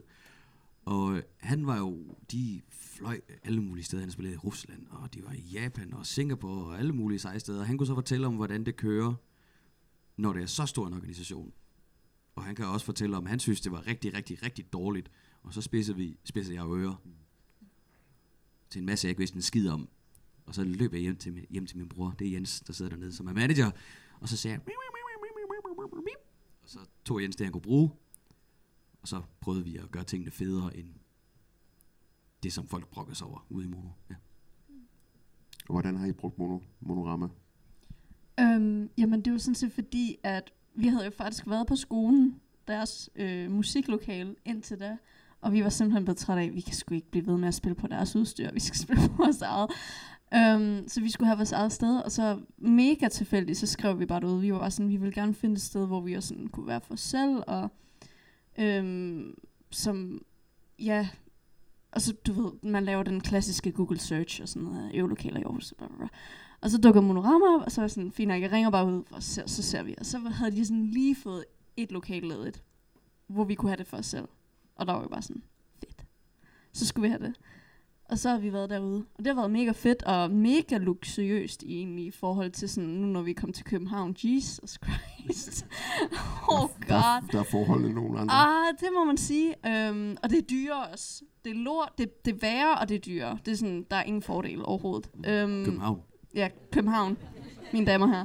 Øhm, så øh, det, det skulle vi også lige sådan forholde os til lige pludselig. Og sådan. Det var, det var, det, der vinder Aarhus 100% mm. med Monorama der. Det er fedt sted. Fedt sted. Men det er jo sådan nogle meget, meget lange gange, og så er det bare Mm. rum på rum på rum på rum på rum, hvor mange Ja. mennesker, som egentlig færdes der. Mm. Og nogen ser man aldrig, og Nej. andre ser man Jeg er ofte. faktisk overrasket over, hvor få man ser, når Ja. man er derude, øh, synes jeg. Men, det kunne selvfølgelig også være, det kommer an på, hvornår man er på dagen. Og Man sådan kan noget. altid høre tre trommeslager. Ja, præcis. man kan altid høre trommerne. Altså, Og der er en eller anden fyr på ovlen nede ved toiletterne. og han har det sygt. Øj, han har det godt. Hvem er det? Ja. Jeg ved fandme ikke, hvem han er. Det er fandme spændende. Jeg har lagt på lur. Jeg Jeg drukker faktisk meget kaffe, jeg sidder derude. Jeg kom faktisk til at tænke på, at der, der var et øvelokale lige ved siden af toiletterne. Det er metalbane. Var, er det jer, der Ja, engang var der? Der var vi før. Okay, fordi fuck, det er sygt at gå på toilettet og bare høre jer spille der. Citat. Perfekt match. Tænk bare, Når jeg skal på lokum. ja. Så sætter jeg base på. Det er jo nærmest det største kompliment, man kan få. Um, jeg, jeg har bare, jeg har Ja, bare nogle kostbar gange, jeg har nogle Ja. gange bare skulle pisse, og så bare var sådan, fuck, det er egentlig optur. Jo! og dobbelt pedal. Dig, dig, dig. Uh, det er sjovt. Søren, Fedt. øh, jeres, jeres øvefaciliteter, hvor, hvor eksotiske har, har de været? Hvordan, hvordan har I konstrueret det? Jamen, vi er jo øh, hvad hedder det, i en lidt sådan heldig og lidt mere praktisk situation, vi kan øve hjemme på sofaen, fordi vi ikke larmer nær så meget som sådan nogle, som sådan nogle typer der. Øh, men, men, øh, men da vi så begyndte at få det rigtigt band på og sådan noget der, når vi skulle spille, fordi det blev lidt for kedeligt med den der akustiske guitar, fordi så, så godt synger vi heller ikke alligevel, øh, så, øh, så fandt vi faktisk et øvelokale inde i Mejlgade, øh, om på tape, for det ikke skal være løgn. Øhm, så det, det var rigtig godt, fordi... Øhm, Fuldstændig sindssygt. det, det, er jo det er rigtig Aarhus set, vil jeg sige. Altså nu i kælder Søren Friksvej Aarhus set. Det er lige... Det vil jeg sige, det er lige på grænsen. Men øh, det passede også perfekt. Så der kunne vi, øhm, der kunne vi larme, og det var tæt på. Jeg er fra Latinakvarteret, så jeg vil helst ikke uden for, for Ringgaden. Hvis det ikke... Altså. Nej. For, Vi er, Hvor mange af jer boede på Bogfingervej? det gjorde de to andre jo. Og jeg boede som sagt øh, i Latinakvarteret. Så kun 66 procent. Cirka. Cirka. Mm. Men man skal jo have et eller andet navn. Ja. Ja, der, der bostede du mig lige. Ja. men vi er glade for, at du har lyst til at komme her til godsbaneområdet Jamen, det er øh, okay. den her aften. Godsbanen er... Ja. Ja. Ja. Fordi det ved jeg faktisk også spiller en, en stor rolle i forhold til det at, at hænge ud i Aarhus yes. i det hele taget for jer. Yes. Jeg brugte godsbanen rigtig meget. Rigtig meget. Det er bare et sted, hvor man kunne komme ned og, og hænge ud med alle mulige mennesker, som, du ved, måske ikke lige var... Altså, der, der blev lavet masser af hiphop hernede, og alt muligt alternativ musik, og der var en masse syrede typer hernede, som man kunne, du ved, uh, hænge ud med og lade sig inspirere af, og masser af fede arrangementer, masser af fede fester og sådan noget der, højt til loftet. Og ja, så godsbanen har altid været rigtig, rigtig vigtigt for os. Masser af containerstudier, hvor mange fucking dårlige sange har vi ikke lavet, de der forskellige studier klokken 5 om natten. Øhm, så, så godsbanen, det er, det er stedet. Og det må også være meget fedt egentlig at, at se det vokse og, og blomstre og, og få det her klientel til sig, fordi jeg kunne betragte det udefra, når jeg er så kommet til Aarhus øh, og til Spot Festival eksempelvis, hvor jeg har været i området her og nede på radar og sådan ligesom set, og så med mine øjne har det så været sådan en form for mini-Christiania. Det har været min sammenligning på en eller anden måde. Ikke? Men, ja, bare uden alle de dårlige ting, ja. Ja. Christiania i virkeligheden. Ja. Ja. Uden det der åbenlyse hassal og, og ro- rocker og sådan noget. Ja. Så, så på den måde, ja. som er meget dårligt. Ja, altså, det med rockerne i hvert fald. Ja. Kan vi, det kan vi godt Men det blive ved jeg ikke. Nu skal jeg passe på, hvad jeg siger. Siger du, de ryger fede hernede på godsbanen? Ja. Jeg ved ikke, hvor mange rockere der er i, i publikum. Men, øh, men når man så kommer ind på godsbaneområdet udefra, så opdager man jo ikke alt det, der foregår i studierne rundt omkring, og alle de forskellige, der sidder og producerer øh, klokken 4 om natten. Altså, hvad, hvordan har det været i forhold til at være en del af det miljø? det er rent nok, man skal jo kende nogen, men det, men det der er med det her sted hernede, det er, at hvis man bare hænger ud hernede, så kommer man meget hurtigt til at kende folk, og, og nærmest føle sig som en, som en del af familien, og sidde og spise aftensmad inde i, øh, inde i A-huset, eller B-huset, eller, eller øh, altså, så på den måde, det er bare et sted, hvor man, hvor man meget hurtigt føler sig velkommen, og, og føler sig hjemme, så øh, ja. Og så har I også haft den øh, fornøjelse at være med på TV2's tur og spille, hvor meget, 23 koncerter? Ja, 23 forskellige jobs. datoer. Ja, det var den periode, hvor der gik mega Aarhus i den. Og Ja. så ringede Steffen Brandt til os og sagde, fuck man, øh, det der nummer, der jeg lavede. Det var, Det der ene nummer, jeg har lavet. ja, det der ene nummer, vi har lavet. det kan jeg lide. Ja. Nej, men det var ret stort for os, fordi at vi havde flere andre venner, som havde været med TV2 på tur. De har sådan en ting med, at de vil gerne have noget urbant og noget sådan lidt yngre. Øh, det siger måske ikke så meget, men, men nogle, altså nogle unge drenge, som kan, du ved, når, når man spiller det samme sæt i 40 år i træk eller sådan noget, så kan det godt blive sådan lidt. Og, skal lige jazzes lidt op. Ja, lige Ja, det præcis. den. så vi har haft nogle, nogle af vores kammerater, som har været med til at freestyle øh, øh, til nogle af deres numre, til, til hvad hedder det der, pop, popmusikernes vis, eller hvad det hedder. Men, øhm, men vi fik, altså Steffen han sagde, han havde hørt det nummer, der hed Im Jejle, og det synes han bare var mega fedt, og vi ikke havde lyst til at, at, at spille det på deres turné, du ved, og, og det var mega fucking sejt for os, så tog vi ud i deres øver, og så, så sagde jeg til Steffen, vil du, vil du synge omkvædet, eller så sagde han, nej, nej, jeg synger bare kor. Og så stod, fucking, så stod vi der og spillede lige pludselig foran 30.000 mennesker, hvor Steffen Brandt han, han sang kor på os og sådan noget, og det var bare... Øh, Øh, det var legendarisk, og det var bare, øh, du ved, en, nogle fede oplevelser, som vi ikke selv...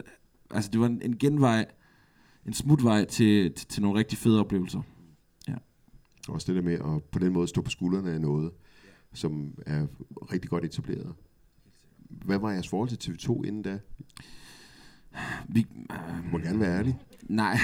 Jo, du må. Ja, jo, nej, det ved jeg Jo, ikke. du må. Jo, jo, okay. Altså, for at være helt ærlig, før, før det, der, jeg hørte ikke super meget TV2, det gjorde jeg sgu ikke. Men du kendte godt nogle af sangene, Jeg, jeg ikke? kendte nogle af sangene, og, og du ved, øhm, ja, jeg hørte det bare ikke. Men jeg må sige, at efterfølgende er, jeg blevet ret overbevist om, at jeg synes, at Steffen Brandt er den, måske den dygtigste sangskriver i, i, i, i dansk øh, sådan, popmusik. Sagde han fuck i telefonen? Hvad sagde han? Du sagde, han sagde et eller andet med fuck. Det Ja, tror det- jeg fandme ikke på. Det, det, gjorde han, det gjorde han heller ikke, det er. Ah, det er, jeg, jeg, det, det, Godt, jeg, jeg parafraserer en lille smule. Han sagde nok ikke fucking, men han, øhm, men ja. Men jeg synes, han er super fucking fed, og vi, vi var blevet rigtig, rigtig, rigtig glade for TV2 efterfølgende. Øhm, ja. Og Naomi har faktisk også haft en, øh, en lille TV2-seance, fordi netop som du også er inde på, Søren, så mit indtryk af, af Steffen Brandt især også, er, at han er en fyr, som stadigvæk orienterer sig omkring meget af det musik, der er rundt omkring, øh, også i forhold til, til børnene og, og alle mulige andre unge mennesker i hans omgangskreds, hvad, hvad der ligesom rører sig det ene og det andet og tredje sted. Og så havde han også opsnappet Velvet Volume på et tidspunkt, og I spillede på Smukfest, var det sidste år, forrige år? For tre år siden Øh, Det er to-tre år siden, Yes. ja. ja. Det var Men- første gang, vi også spillede Skanderborg Festival. Ja, på Øhm, bøgescenen. Ja, sådan de lukkede 15-20.000 bøgeseng. mennesker. Ja, ej, ja. Jamen, det, det, det sjove var faktisk på den aften, at øhm, det hele gik så stærkt, og sådan, øhm, at vi stod der, og vi kom ind, og der var bare mørkt. Vi kunne ikke se nogen. Det var bare mørkt.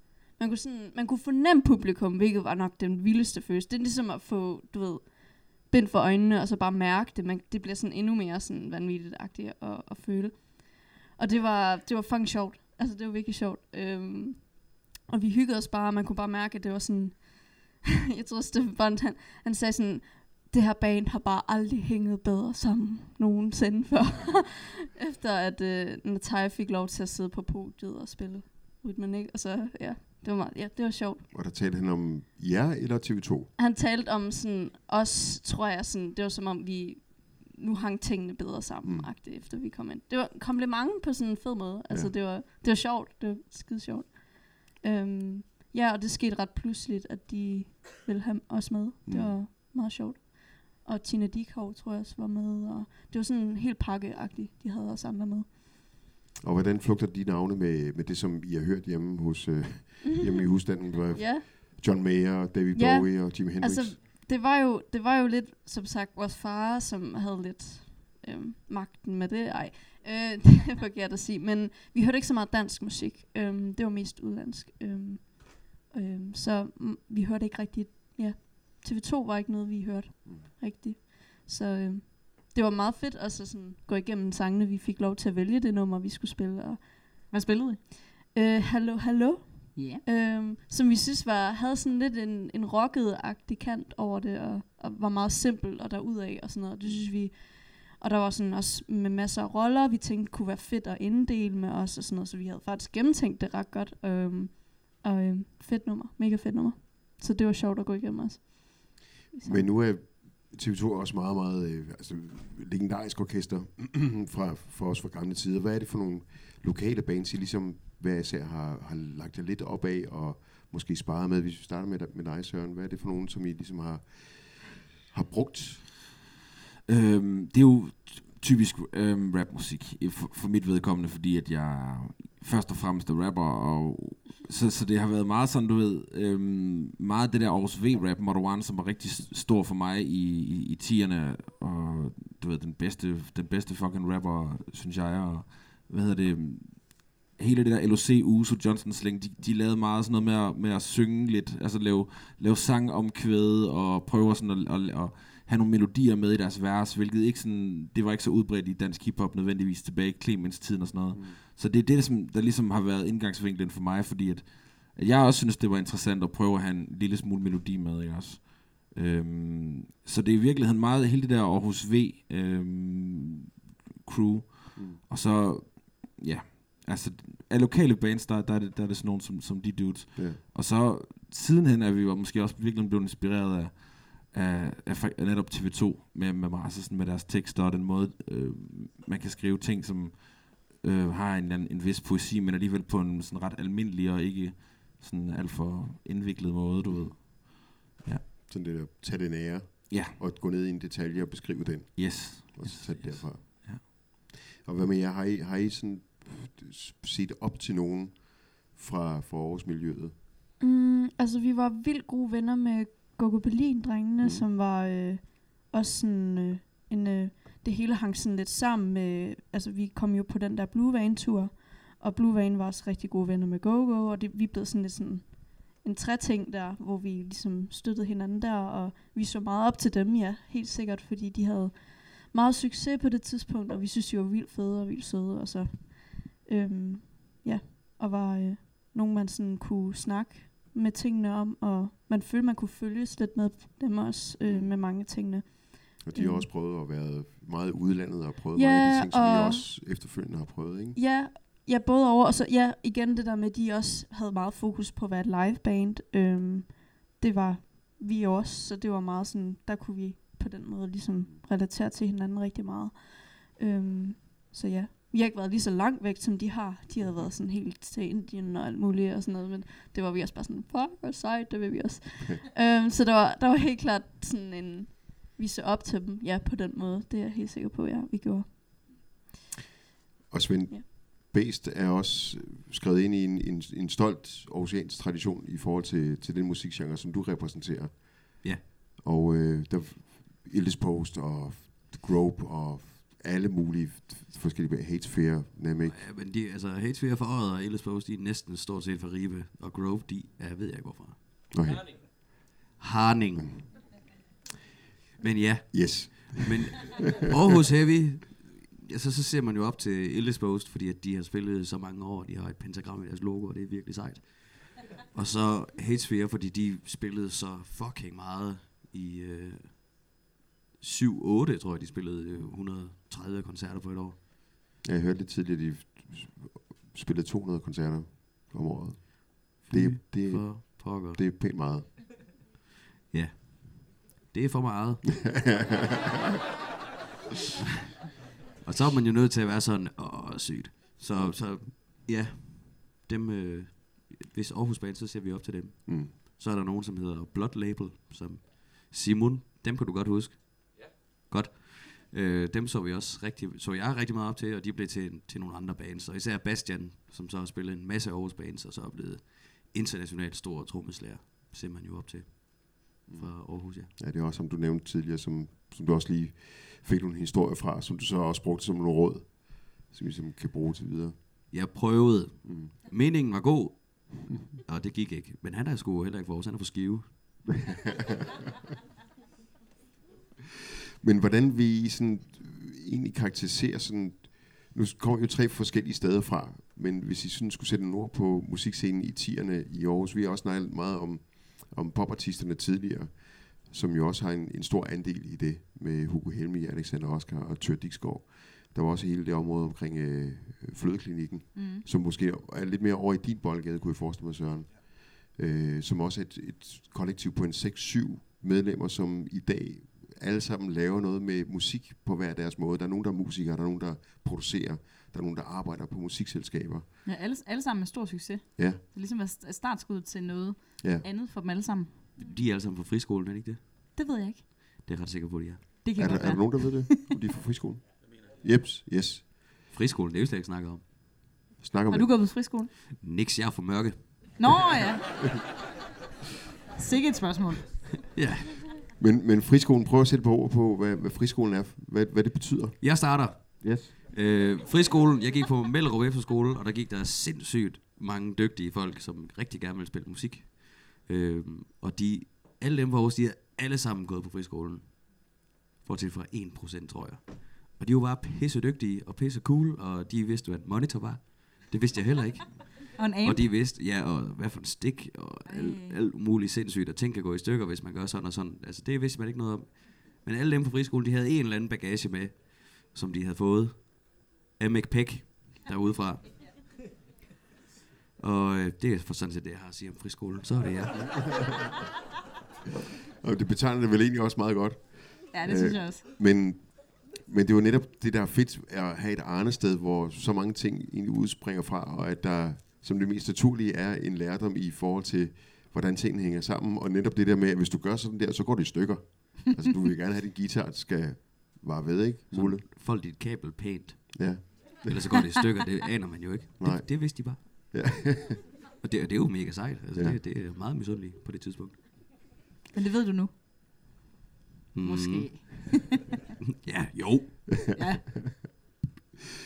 Men sådan noget som, som f- flødeklinikken, har du haft et forhold til, til, til det? Nej, altså jeg kender Tøger fra gamle dage. Øhm, det er det eneste, og det, det andet medlem øh, i Bogfingervej Lav er rigtig gode venner med både, øhm, hvad hedder, hvad hedder Soleima i virkeligheden? Sara eller Sis, Sis Ja. hvad hedder hun? Sara, lige præcis, Sara og, og, og Tøger. Så øhm, ellers ikke, altså på det tidspunkt, hvor, hvor de var fremme, der hørte jeg noget meget, meget hårdere hiphop, vil jeg sige. Men, men jeg synes, det er mega fedt, altså, øh, og øh, på en eller anden måde laver de jo også noget, som... Altså, det minder i virkeligheden... Det, vi laver nu, det minder måske i virkeligheden lidt om... Altså, det har i hvert fald nogle ting til fælles med flødeklinikken. Øhm, ja. Sissel, vi har været inde på, på rocken. Vi Ja. har også været inde på, på, på en del af hiphoppen i hvert fald, Mhm. og noget, noget metal. Hvor er indie-rocken henne i det her? Fordi i nullerne, der var der jo også en... Det snakkede vi om i, i går aftes. Det kunne jeg forestille mig, fordi John han var her. Ja, John Så det- det var det, John I snakkede Vogt, om hele der- aftenen i Der går. snakkede vi i hvert fald en del om, om indie, men Ja. der var også et pladselskab, der hed Morningside Records. Ja. Og det sluttede ligesom i, jeg kan faktisk ikke huske, hvornår det egentlig sluttede, men det var, det var i hvert fald ikke så øh, præsent i, i tierne. Nej. Øh, et selskab, som udgav Figurines, Speak About Me, uh, Iron Bones, The Malpractice, alle mulige indie Mhm. bands. Øh, men det er jo som om, at, at indie-musikken lidt, lidt ser jo lidt væk, og så er der noget som, som Young og nogle andre bands, der Ja. er sådan nogle, nogle mindre Den er labels. måske, altså indie-musikken er måske bare, er, er måske bare på en eller anden måde øh, sævet ind i nogle andre ting. På et tidspunkt har den skil, skillet sig rigtig meget ud fra noget, der var, som var mainstream, men indie-musikken er blevet sådan en, en mere inkorporeret del af nogle af de mere sådan faste genre, kan man sige. Så det man i nullerne måske vil betegne som indie, det vil man måske i dag betegne som folk pop eller rock eller øh, nogle andre ting. Så jeg tror, det er, sådan, det er fordi, det, det, tingene bliver mere flydende. Jeg tror, det er derfor, at vi ikke sidder sådan og tænker, indie-kongerne eller dronningerne lige nu. At vi sådan er mere specifikke øh, i metal, rock, Mm. hip-hop. Ja. Er der nogen, der har nogle spørgsmål egentlig? Kommentarer? Reaktioner? Må jeg gå ud og tisse? Ud, ja, det, Skal du tisse? Ja, vi snakker om det før. Jeg kan ikke holde mig. Yes. Men, øh, yes. Og hvis I har spørgsmål til Svend, så bare lige øh, hold ind med det. Men, øh, men hvis der er nogen, der har, der har en, et lille pip af en art. grund til at være nervøse. Bange. Der er ikke nogen, der bider. Nej. Synes I, tierne har været et godt over 10? Lad den ligge. Der, der, var, der var en, der sagde ja. Hørte jeg. Men Synes du, tieren har været godt at sige? jeg, jeg synes, det har været et dejligt årti. Ja, hvorfor? Fordi der netop har været meget... Altså jeg synes, popmusikken har virkelig slået igennem. Ja. Øh, og man kan måske sige, at det er meget den samme opskrift, men det bliver bare gjort rigtig, rigtig godt. Og jeg synes, at der er mange af de artister, som, som kommer frem i dag, øh, og det er måske mere generelt, men så sandelig også for Aarhus, at de har en vis form for professionalisme bag sig. Mm. Øh, som Svend måske var lidt inde på i forhold til friskolen med at Ja. altså, så rulle dit kabel ordentligt sammen. Ja. Altså, der, er- alle, alle led er ligesom blevet tjekket af, ja. inden at man kommer ud og, og viser sig for, for offentligheden. Ja, måske det også hænger en lille smule sammen med, at, at vi er kommet ind i et, i et årti, hvor at der er meget fokus på DIY, do it yourself, øh, fordi der er kommet så meget, øh, altså med digita- hele digitaliseringen er der kommet så mange muligheder for at gøre alting selv, så, så, så man er bare nødt til, hvis man, altså man, man, man behøver ikke længere at sidde og vente på, at Warner eller Sony eller Universal ringer og siger, Gud, Alexander Oscar, du pendler, og du skriver opgaver imens, hvordan kan vi sætte, altså, vi vil have dig. Så vil man måske også øh, få lov til at gøre det selv. Øh, men jeg tror også, at, at, at med det er der også kommet en ekstrem bevidsthed om, at man er nødt til at være dygtig til rigtig mange ting, og ikke kun til at spille musik. Mm. Ja. Og så er vi jo direkte tilbage til Svend. Det er dejligt, du er her. i øvrigt. Hej Svend. Hey. Øh, fordi sådan som mit indtryk af, at, at da I startede, der, der havde I en checkliste med ting, som I ligesom gik igennem, inden at I nærmest slog den første akkord an i øvelokalet. Jo, ja, ja i øvelokalet. Altså først, der var det mig og Lasse, der spillede sammen. Og ja, vi, vi skulle egentlig have spillet et cover af Death ja. med Symbolic. Og det gjorde vi ikke, fordi at det var svært at spille, og så jeg havde ikke øvet mig så meget, som jeg burde, og så sagde jeg, Lasse, jeg har også fundet på noget, vi kunne spille. Og så spillede vi vores egen sang. Og det, det var sådan set starten. Og imens vi gjorde det, så snakkede vi om, hvad vi godt kunne lide ved dødsmetalbands. Så det vi ikke kan lide, det er folk, der går op på scenen i deres øh, nikkers og løbesko, og ikke har talt sammen om, hvordan man gerne vil se sej ud, inden man skal spille et dødsmetal show, mand. Og øh, ja, så det, det valgte vi at gøre. Og snakke om det. Hvad, hvad ser sejt ud? Og jeg synes, det her det er sejt, og det var så meget hurtigt. Sorte bukser, ah, det er sejt. Band t-shirts, åh, oh, det er sejt, mand. Gerne de originale, ikke? De originale band t-shirts. Ja. Bassisten skal spille en Rickenbacker bass. Det sagde han selv. Det sagde han selv. Vi har måske hentet over til ham, at den var sejere end den Fender-bass, han havde. Og så sagde han, ja, den koster 18.000. Så sagde jeg, Så skaff 18.000. Ja, nu har han købt tre. Nu har han købt tre. Tre styks. Det går godt i bedst. Men det er jo også lidt i forbindelse med det, det du siger, det der med at Øh, ikke i scenesætte sig selv, men bare være meget klar over, hvordan man tager sig ud i det hele taget. Ja. Jamen, jeg tror bare, det er ekstremt vigtigt, og jeg tror, at det bliver vigtigere end nogensinde, fordi der er så meget, der er så meget kamp om positionerne derude. Øh, der er easy access for, øh, for både dem, der, øh, der producerer musikken og laver musikken, til at få det ud, og der er også virkelig easy access for dem, der skal modtage det. Øh, så for, for at de to parter kan finde hinanden, så er man nødt til at, at, at finde frem til et eller andet ekstraordinært, der gør, at man, at man har lyst til at, øh, at, at, at finde hinanden på den der måde, og at publikum har lyst til at, at gå videre med, med lige præcis det her band. altså, der er også noget i, altså i hvert fald for os, hvis man selv synes, at man ser kanon sej ud, så spiller man altså bedre. Altså hvis man går på, og man synes, pis, Kæft, og jeg ligner pis. lort, og strengene er dårlige på min guitar, og det... Håret krøller ikke ordentligt. Og, åh, det er hår. Hårkuren Åh, det virkede dumme, ikke. Du, det virker altid. Det ved jeg. Lasses mor frisør. Jeg ved det godt. Præcis. øh, men nej, hvis, hvis, hvis man ikke synes, det ser sejt ud, så føler man, så skal man faktisk også overbevise dem om, at det er virkelig, virkelig sejt. Og altså, selvom det ser dumt ud nu, venner, så er vi er, vi er virkelig fede. Så det tror jeg det også, det er altså sådan indfra set. Altså, er der, har I det også sådan? Altså, jeg synes, hvis, hvis jeg føler mig sløj og grim, så spiller jeg sgu og ringe. 100 procent. Jeg tror for os, men vi har jo kæmpet meget med at skulle vise, at vi kan spille øhm, end at vi bare spiller rock og er tre piger. Øh, det har jo også, det har også været en, en, en lang kamp for os, men det er sjovt det der med, at vi nævner alt det der med, at i dag skal man bare være mega dygtig til det hele, og man skal faktisk næsten kunne både producere og skrive og spille og alt muligt.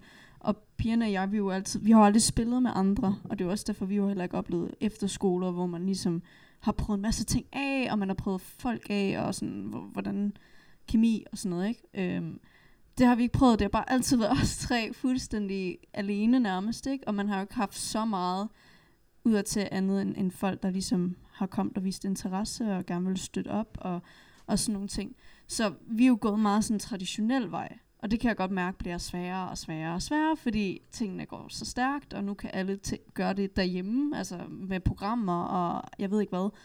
Øhm, og vi har jo bare altså, været inspireret af øh, Jimmy, der sætter ild til sin guitar og bare tænker, fuck, det er fedt, og sådan. De der gamle... Tror du det har en længere effekt end det andet der? For det tror jeg altså. Altså, det, det, det, Altså, det, det, er jo det, vi gør. tror på. Det er jo Ja. det, vi stadigvæk tror på. At det er jo helt klart, altså det, det kommer helt hernede fra. Altså vi er helt hernede, ikke? Og ligesom bygger det hele op.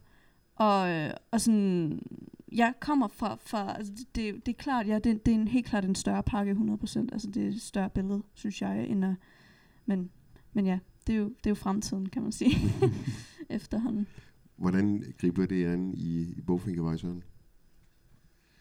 Jamen, det er lidt noget andet. Altså, øhm, det jeg er enig i, det er, at man dater, så kan man gøre sig ekstra meget umage, fordi at, øh, ligesom jeg tror, I var inde på tidligere, det der med, at der er mere musik nu, og det er fordi, det er meget mere tilgængeligt, altså, du ved, hvor man måske i 80'erne ville alle selvfølgelig også gerne, rigtig gerne være popstjerne, eller være Thomas Helmi eller et eller andet, men i dag, der, der, der, der har alle det inden for rækkevidde, fordi hvis de fucking filmer sig selv, mens de synger med på en eller anden sang, så kan de få en pladekontrakt eller et eller andet.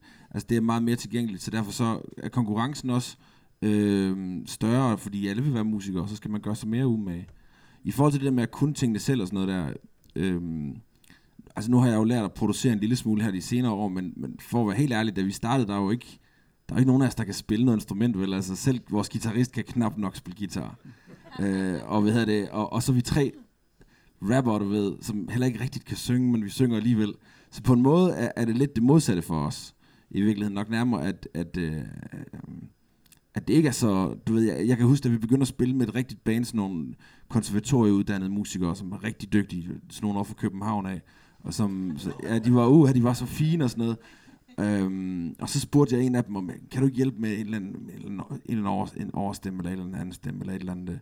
Og så, og så sagde han, han ville ikke, det ville han sådan set ikke. Altså grunden til, at han godt kunne lide at spille med os, det var fordi, at, at, at vi overhovedet ikke fattede noget af musik, så derfor så gjorde vi bare et eller andet, et eller andet random, som vi synes lød fed. Og det, og, det, og det er stadig det, vi gør, det er vores motto. Hvis det er fedt, så er det fedt. Og, og, og så ved vi ikke Nøgleord. Ja, lige præcis. Og, ja. Så, øhm, så, så vi kan egentlig ikke så meget andet end at, end at, end at hygge os. Øh, og, og, og, men det tror jeg også, det gør vi også rigtig umage med. Ja, og det er også vigtigt. Trods alt, ja. Men som du selv sagde, Svend, det er nøgleord. Sådan, er det fedt, så er det fedt. Jamen, nu bliver det sagt fed, Ja. ja. fordi det var også... Øh, Lasse og jeg var ude og lave en guitarklinik i Grenå i lørdags, og så havde han skrevet et punkt på det, vi skulle snakke om, hvor der står, Svend, citat, fuck skalaer, og jeg var sådan, ah, Lasse, det har jeg aldrig sagt. Det har jeg aldrig sagt. Og det har jeg sagt, men det jeg mente, det var, at hvis det, selvom det ikke ligger inden for en skala på, på ens guitar, eller hvad man nu laver, men hvis det lyder fed, så er det jo fed. Ja.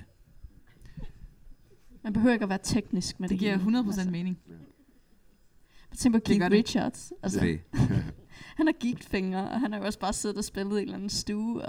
Og, sådan, efter plader, ikke? Og så Ja. bare selvlært, og han ved jo ikke en skid om skalaer, altså det er jeg helt sikker på. Om noget. Om noget. Og Ja. nogen vil sige lige uh, Men det er Keith fedt. Richards. Jeg ved ikke, om der, hvor mange der har hørt det. Så det, er- det er ham, du snakker om. Om så hvad? Nå, ingenting. Okay, fedt. Alt er godt. Alt er godt. Jeg kom til at tænke på, mens du sagde det, øh, så, kom jeg bare, så fik jeg bare et billede af, af jer tre på scenen til Northside Festival. På, øh, på den røde scene, der var 6.000 mennesker. Og Northside Festivalen er jo også en festival, som har haft sit indtog i løbet af 10'erne i, i den her by. Og jeg kan også huske, da den ligesom blev lanceret, at jeg tænkte, hvad, hvad nu det egentlig? Altså, fordi der, jeg synes, der var festivaler nok Og kunne der overhovedet være en, en festival? Og jeg snakkede med Brian Nielsen, som, som laver den her Northside Festival, og han sagde, at det er i Ådalen, det er, ja, det er faktisk midt i byen. Og jeg tænkte, okay, det kan jo ikke lade sig gøre nærmest. Men det kørte jo. Altså det, nu i år, der er der Northside Festival igen. Sidste gang i Ådalen, ganske vist, så ryger det ud i Eskelund, kan det passe, det hedder det? Eskelund, yes. Og det er jo, et, altså, jeg synes, det er et fantastisk sted. Jeg har haft fornøjelsen af at være der indtil fire, fire, fem, måske mere, flere Syv. år. Yes. Whatever. Men i hvert fald mange år, og jeg synes, det er virkelig, virkelig dejligt. Hvad betyder Northside Festival for sådan noget som jer, som musikere? Altså, du har spillet der. Det var godt. Ja, fedt. Fed festival. Ja. Jeg elsker også at være gæster. Um, og det var 100% et peak i vores øh, karriere at spille for så mange mennesker, og vi følte os bare både klar, men ikke klar. Du ved, det var sådan helt, uh, man, man kunne ikke helt finde sig selv i det og sådan noget, men man vidste bare, at det var stort. Um, og det var jo helt klart det værd, og det var altså bare oplevelsen værd, og det var, det var fantastisk. Det var virkelig en god dag. Det Ja. var det virkelig. Ja, det, det virkede sådan. Men sådan hele følelsen af, at der er en stor festival med, med store verdensnavne, som placerer sig midt i Aarhus, og den her weekend, der er der bare alle de her navne, der er der Det kæmpe er fedt, fest. det kan lade sig gøre.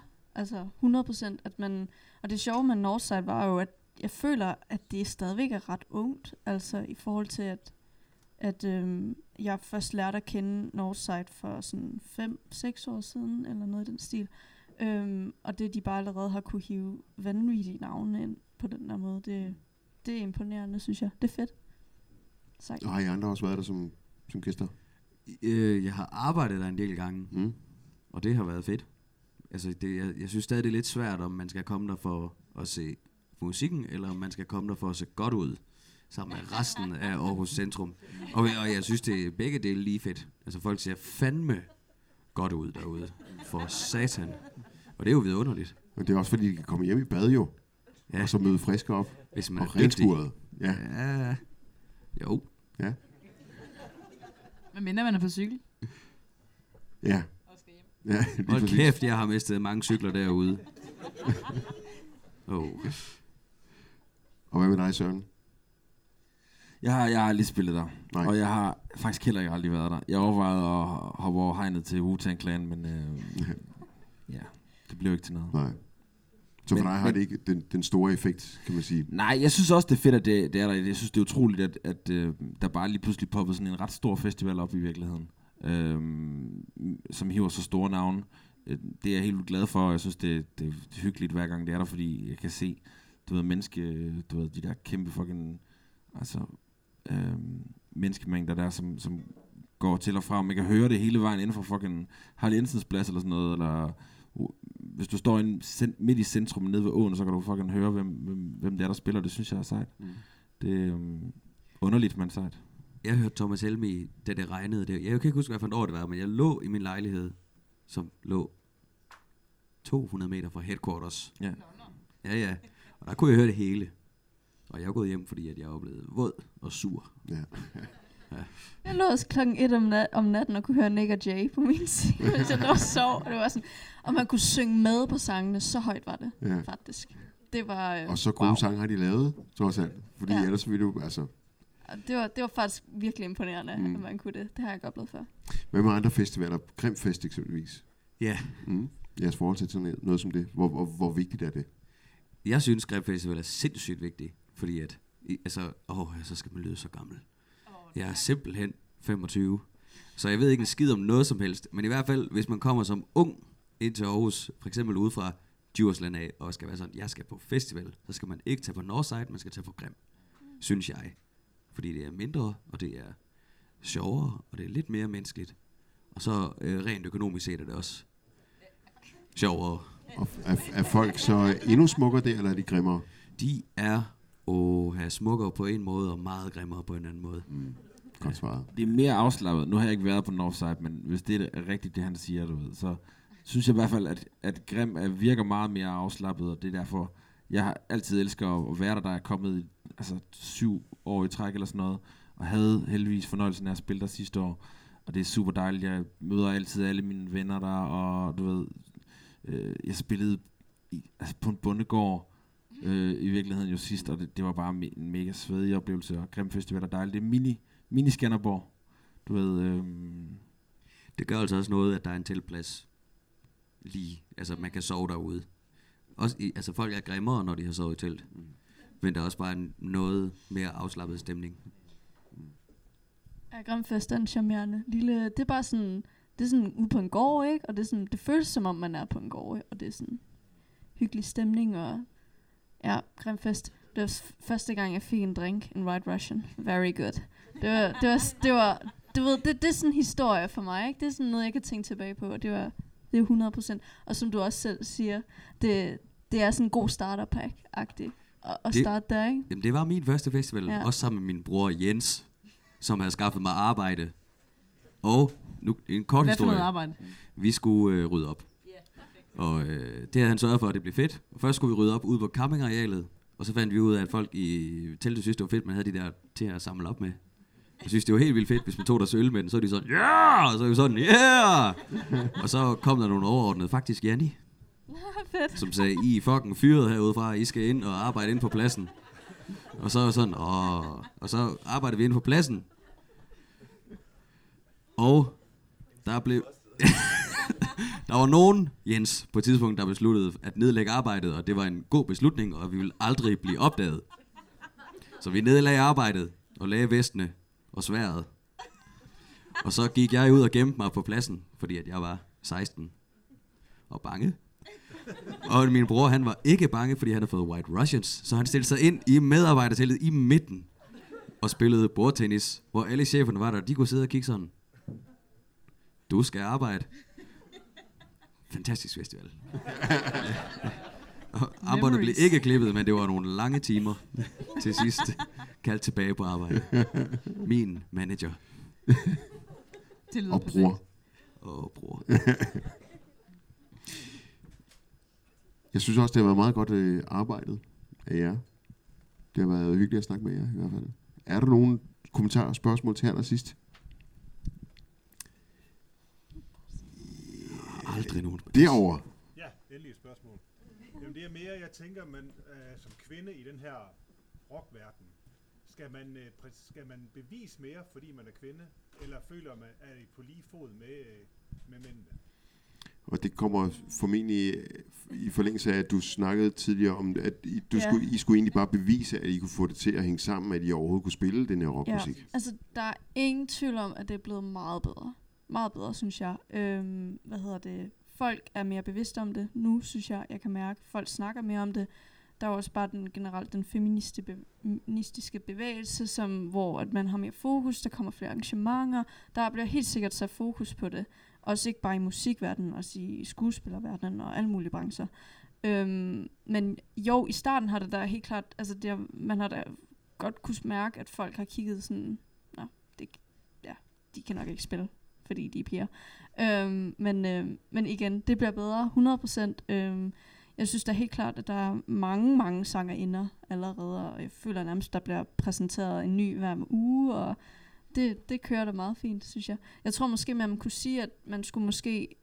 Pigerne, jeg har været meget ude omkring, vi har været øh, rundt i landet til noget, der hedder Musikstarter, hvor man kommer rundt til efterskoler, og, og der ser man flere og flere piger faktisk stå med et instrument, hvilket er mega forfriskende, fordi jeg tror, der er mange, der ikke tænker over, at det faktisk måske er musikere, man mangler. Altså, hyremusikere eller mm, sessionmusikere, som er kvinder, og producer, som er kvinder, er helt klart noget, man mangler mere af, synes jeg. Øhm, og jo, ikke fordi der er mange dygtige sangerinder, men dem er der mange af, synes jeg efterhånden. Øhm, så det kommer helt klart meget, det bliver bedre 100%, og folk er mere aware, og man skal bare sådan ligesom st- stadigvæk få folk til at se det som i, at det, det er en helt normal ting, og der er ikke noget anderledes, andet end at man Mm. har et par bryster. Det er det. Ja. Så. I forlængelse af det, så er der også nogle forskellige tiltag. Der er noget, der hedder She Can Play, som er et, Mm. mm. et udviklingsforløb på et år, som øh, tager piger og unge kvinder til sig, øhm, og prøver netop også på pro- producerfronten, og prøver at, at skole nogen, og få nogen til ligesom at, at fange dem. Ja, fordi det er ikke kun på scenen, det er også, Det er også bag scenen, produktionerne. altså Ja. produktioner Ja. og, og lydmænd og som lydkvinder. Ja. Øhm, og, og, alt det der, ikke? Og så er der selvfølgelig også Hundsolo, som modtog en pris Ja. ja. ved, ved Gaffeprisen Ja, i mega onsdags. sejt, mega sejt. Og øh, så er der kvindernes internationale kampdag den 8. marts, det er på søndag. Yes. Markerer. Godt spørgsmål. Og flere? Nå. Derovre. Den. Ja.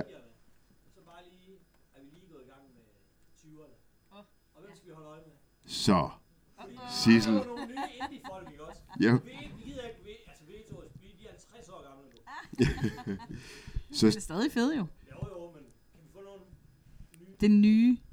jeg kigger, jeg kigger, jeg får, Ja, du kigger på mig, og det kan jeg godt forstå. Yes. Øh, men altså, man kan jo for eksempel... Hvornår, er det, hvornår er det, vi er færdige her? Fordi hvis vi rapper op her, Jamen, så, så sker der, så jo det. ry- ryger du lige i en fælde, som er uden for Aarhus. Er den uden for Aarhus? Ja. Nå, jamen, jeg må ikke anbefale noget, der ikke er for Aarhus. Jo, det må du vel egentlig gerne, men, men, øh, men jeg, jeg tænker... Kæft, mand. Jamen altså... Bliv ved med at holde øje med Clara. Hun er perfekt og Ja. god. ikke så meget enig. Øh, og øh, det, det, som du refererer til, det er, Ja. det er faktisk det, det band, der hedder Joyce, Præcis. som spiller på tape kl. 22.15. 22.15. Og, øh, og der skal jeg faktisk ned. Det har jeg og også det tænkt, jeg skulle. er egentlig din skyld, fordi du Ja. præsenterede dem til Gaffeprisen sidste uge. Yes. Øhm, og det er et relativt nyt band fra, fra Det er et meget nyt band. De har to singler ude. For et år siden, der stod de og lavede popmusik, så var de på Escobar i København. Præcis. Og så, så tænkte de, okay, vi skal fandme ikke lave popmusik mere, vi skal lave rock. Vi skal lave rock i stedet for. Så det, så det gør de så i dag. Så Escobar er, er også. Jamen. sted i København for, øh, Præcis. for ny musik. Ja. Øhm, men ellers så ved Ej, jeg, jeg er simpelthen ked af, at jeg ikke lige kan... der er repræsentanter fra øh, Sao Paulo i, øh, i blandt publikum, ved jeg. Der er også Astronaut, som kommer med øh, noget nyt musik senere på, på året. Jeg synes Øh. klart også, man skal, hvis vi skal blive øh, over i hiphop-verdenen, så skal holde klart øje med Monty også, Mm. som er blevet signet på Warner, og som også er et, øh, et aarhusiansk band, der virkelig har mødet sig ind og har øh, et forsanger Sebastian med det sygeste flow. Altså, ja, Og så er der også længe har hørt. det band, der hedder Young, som også var med i det lille potpourri, som ganske vist har flere år på banen efterhånden. Som ikke er Jung, men som er Young. Ja. Ja. Y-U-N-G. Y, ja. Øh, de kommer med en plade senere på året, september måned, tror jeg, som øh, har ligget klar i 14.000 år efterhånden. Men nu kommer den, øh, og jeg tror faktisk, det bliver, det bliver ret, ret, ret godt eftertrykkeligt. Og det er i øvrigt øh, spilstedslederen Mias søn, som spiller i Young. Aha. Suleiman kommer også med et nyt album her til foråret. Hun er også fra Aarhus. Se, så var der jo alligevel nogle bands. Jeg synes, altså hvis man skal kigge lidt over i rock, så skal Ja. man nok kigge Ja, lidt på Ral. Ral, at, god gamle lyder Ral. en lille smule af noget grunge og Ja. noget sager, uden at lyde Nirvana, fordi det er noget lort. Det lyder Oh, lidt oh, som oh, Soundgarden og Alice in Chains, og så med lidt noget andet henover i. Ral er rigtig god. Ja. Det er det. Det gule band. Det er det ja. meget cool band. Tre mand Men spiller samtidig også et simpelthen perfekt band. helt vildt. Tjek dem ud. Ja. De har simpelthen bare gul outfit på. Jeg kan sige uh, til de nysgerrige, der har han trommeslæren lige præcis den anden dag fået monteret et sælhoved på Ja. sit trommesæt. Der Perfekt kan man også. tage med og tænke, hvad man vil. Det, det synes jeg faktisk var en meget god, øh, Ja. kan man kalde udgangsreplik, egentlig, med det. Og så fakten også på en eller anden måde givet videre ind til, til det næste årti, som vi så øh, runder op om en, øh, en 10 år. Skal vi ikke øh, aftale det? Jeg kigger lidt på den ene af de arrangørerne dernede, yes, og han ligger. Det er godt. Så vi ses igen om øh, 10 år, men inden da, giv lige en stor hånd til Svend Svær, til Naomi Lakmi, til Søren Karim, til Sissel Thomasen, og jeg hedder Carsten. Tusind tak, fordi I var her. Jeg håber, I fik noget ud af det, og have en dejlig aften.